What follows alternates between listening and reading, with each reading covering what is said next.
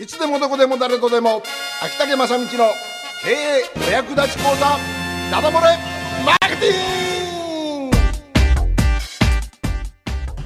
さあ時刻の方は6時を回りました、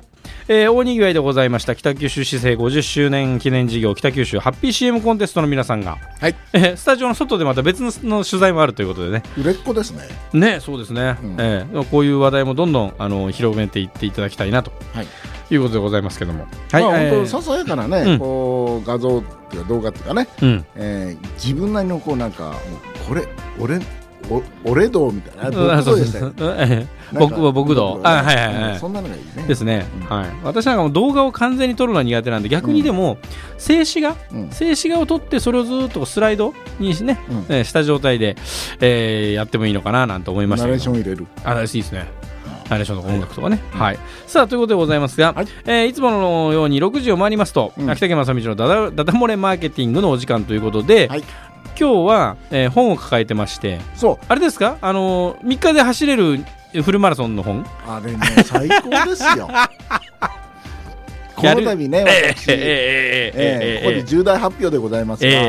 のこれこそまた市政50周年のうん。北九州マラソンが来年の2月9日にありますが、うん。これ応募しちゃいました。ねね。でエントリーしたけれども抽選で、えー通るか通らないか、まあね一応ね。うん、抽選通ればいいんですがよくないのか。やるんでしょ？落ちなんか落ちた方がラッキーじゃんっていう話になってますが みんなねはい。あんた死ぬからやめなさいとかね。そうそうそうそうそうそだって日頃 200m 走ってぜいぜい言ってますし、ううん。ここの FM 北九の3階まで絶対階段使わないしそうですよ。今日だってね、え 上がってくるのにわざわざ。遠まあ回りして。奥のエエレベーター。ということでまああのーこれをどうやって無難にもし走本当に走ったら怪我なく終われるかということでいろいろべ、あのー研究してたんですよ。えだからふと本屋さんで見つけたのが練習なし。3日で、え3日で完走。ええ3日で3日の準備で、えうん。えーフルマラソン完走術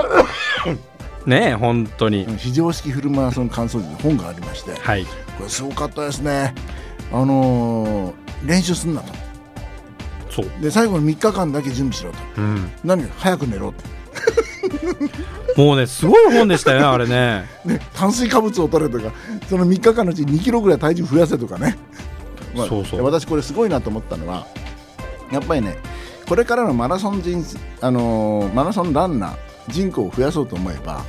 そういうですね今まで一切マラソンに関係なかった俺は絶対参加しねえとか無理だと思ってた人たちにこうその気にさせるっていううん、そういう作業が必要なわけですようね。ん、まあね。でこの本を持ってこい。って言いますのは自分が出ることになったら一人で寂しいから今みんな誘ってるんですよ。関係ない人。その時にいや俺はマラソン無理だっていう人がいっぱいいるんですよ、うん。その本をですねまるで黄門様の引導のように、ね。この本が目に入らぬかほら練習戦でもあなたも完走できるによって言えるんですよ。うん。あこれはねマラソン人口広めますね。多分邪道だとか、えー聖なるマラソンを、えー冒涜してるとかですね、うん。そういうふうな、えー苦言酷評をいただく本だと思うんですけど多分マラソン人口を増やします、そうまあね。この本は。うん、うん。とは思いましたね。でしょ、うん。うん、いいですよ。10キロ 5, 5キロなんて出なくていいと。最初からフルマラソン出なさいと、えー感じですから。はい、はい。まあ、その班じゃなくて、はい、ということで、まあ、今日はね本もう本を紹介するということで、じゃあちょっとあの、はい。どうしても一冊ですね、うん。素晴らしい本があったので紹介したい。ということで、はい。えーこの本の素晴らしさは何といってもですねページ数の少なさ、本当だ、えー153ページしかないっていう本当手のひらでもう手軽にこうね、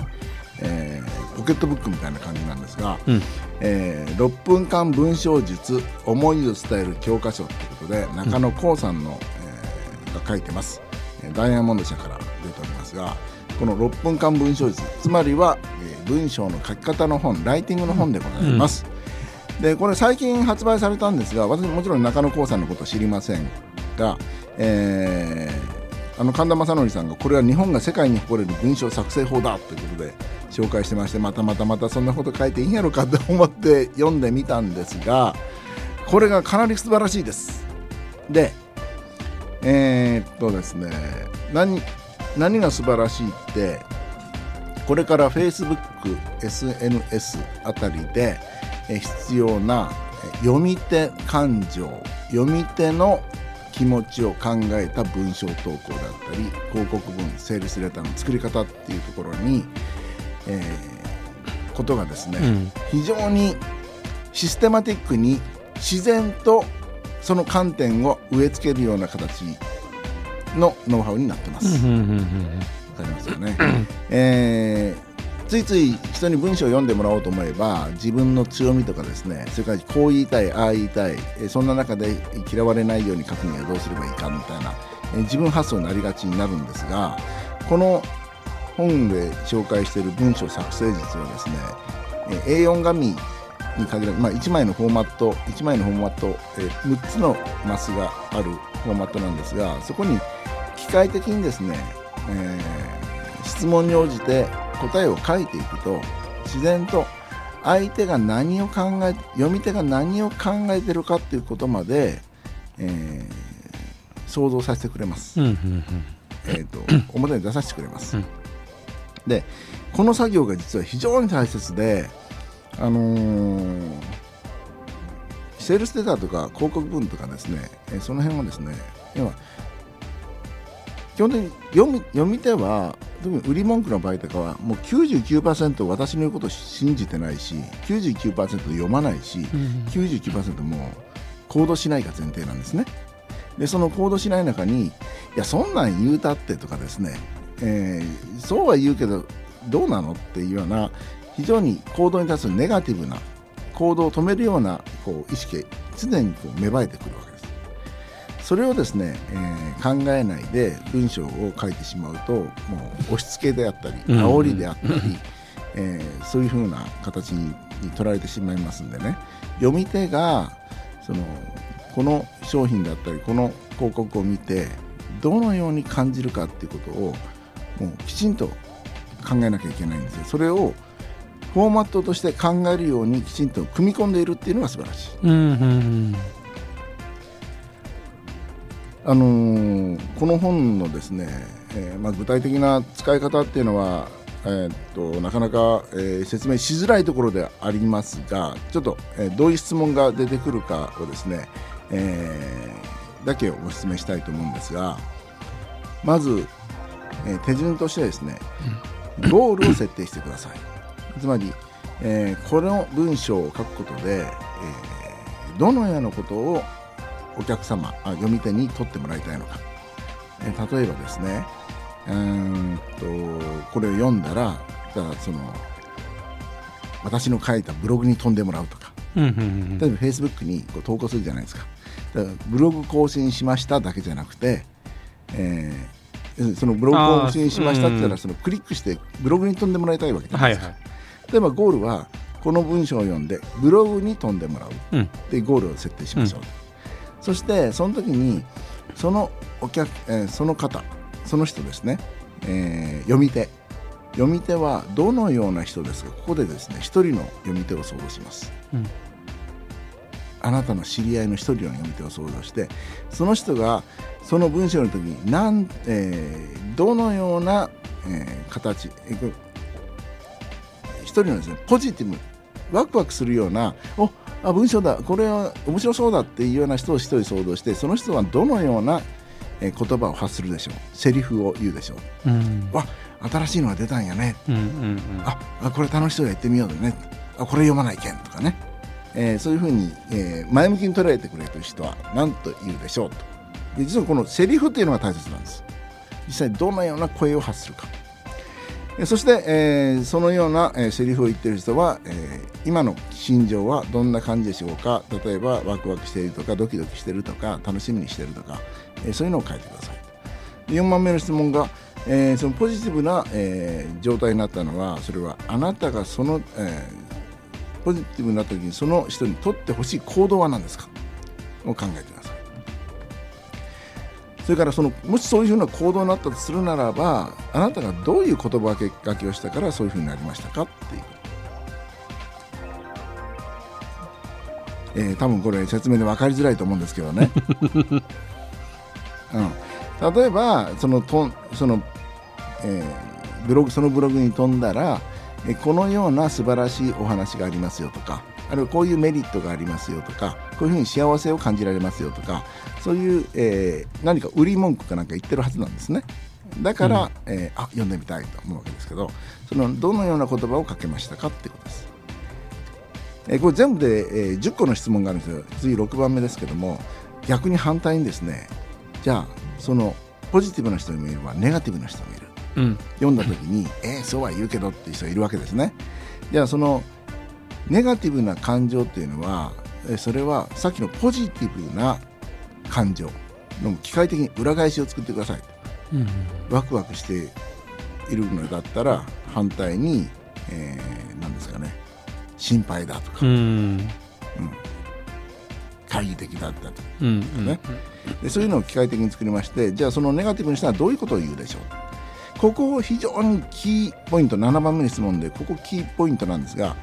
ネバネガティブな感情を持った人が実際に発する言葉、うん、また美味しい話みたいなことを言いやがってとか。きっと高いんじゃないのとか、うん、私に使いこなせるわけないじゃんとか。またクリックしても何もないのかよとか、うん、そんなことをですね実際に言葉として書きます。ここが非常に重要、うん、でこの時には、えー、相手をですね一人に特定しないでいろんな人、うん、仮想、えーと、といろんな人を想定しているので、そしてそのじゃあネガティブな感情になる背景は何なんでしょうか？あるいはそのネガティブなこと、えーと、感情をですね、えー、少しねぎらってあげる、うん。ですね、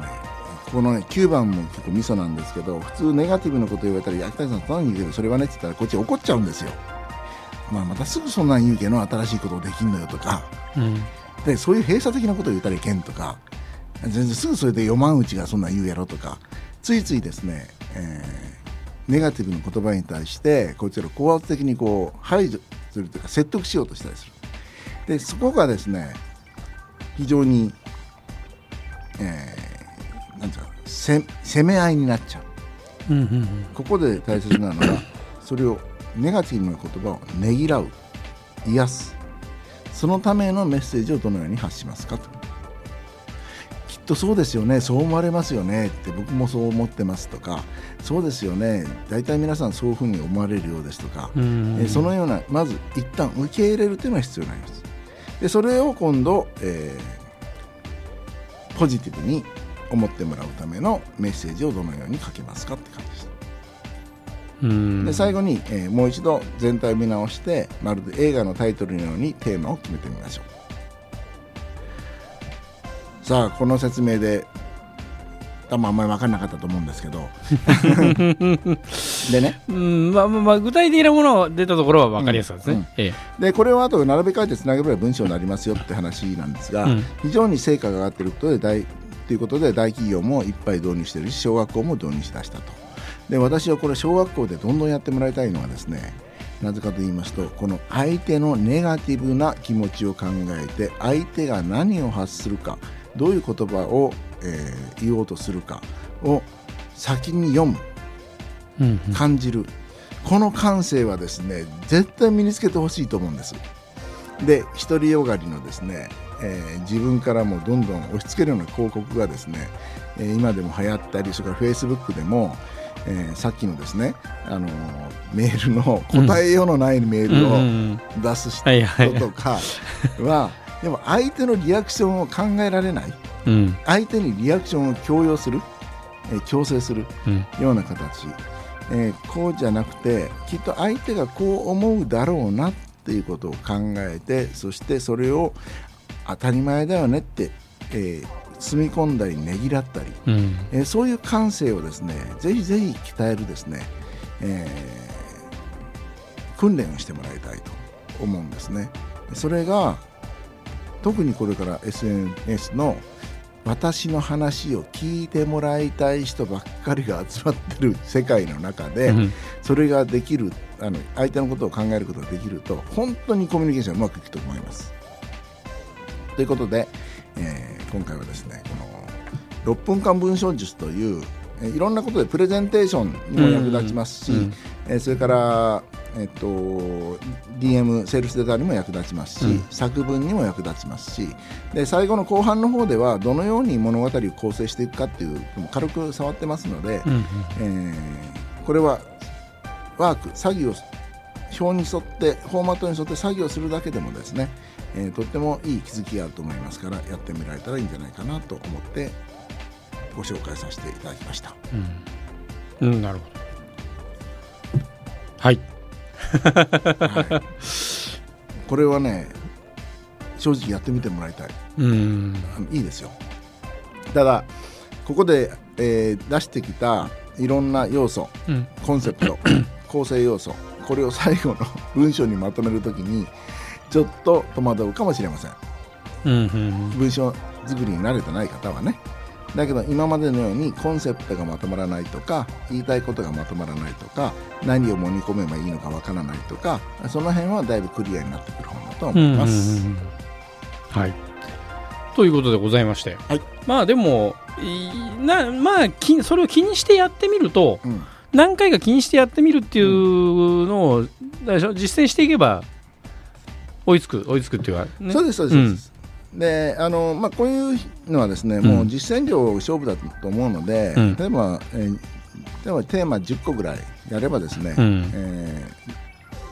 文章構成の考え方が頭にだいぶ入ってきますので、うんうん。忘れずに相手の感情はどうだろうかっていうのが常に頭の中に浮かぶようになればいいんですよね。うんうんうん。そうすると、まあ、あの非常に相手にこう読み手に優しい文章になってくるので、うん。えー読まれやすい文章になるので、えーそういうこうプログラムを頭の中に作り込むっていう感じですかね。うんうん最後の文章にする分はですね、えっと、基本は戸惑うかもしれませんけど文章にするときに問題はどう言うかよりも何を言うかのが大切ですのであはあはあ文章が下手くそでもいいので、うん。言うべきことをきちんと盛り込んでるかどうかの方が重要なので、うん。だからそこはもうあー慣れたりその上手くなったりいろいろあるでしょうけどまずは何を言うかをきちんと書いた方がいいですから、まあ、安心して取り組んでもらいたいと。いうことですね。はい。ということでございました。はい、はい。6分間文章術、うん、6分間文章術思いを伝える教科書中野光さん、えー、あなたの文章の悩みを自動的に解決する1枚のチャートを初公開ということで、えー、1300円プラス税ですから、えーと、と1300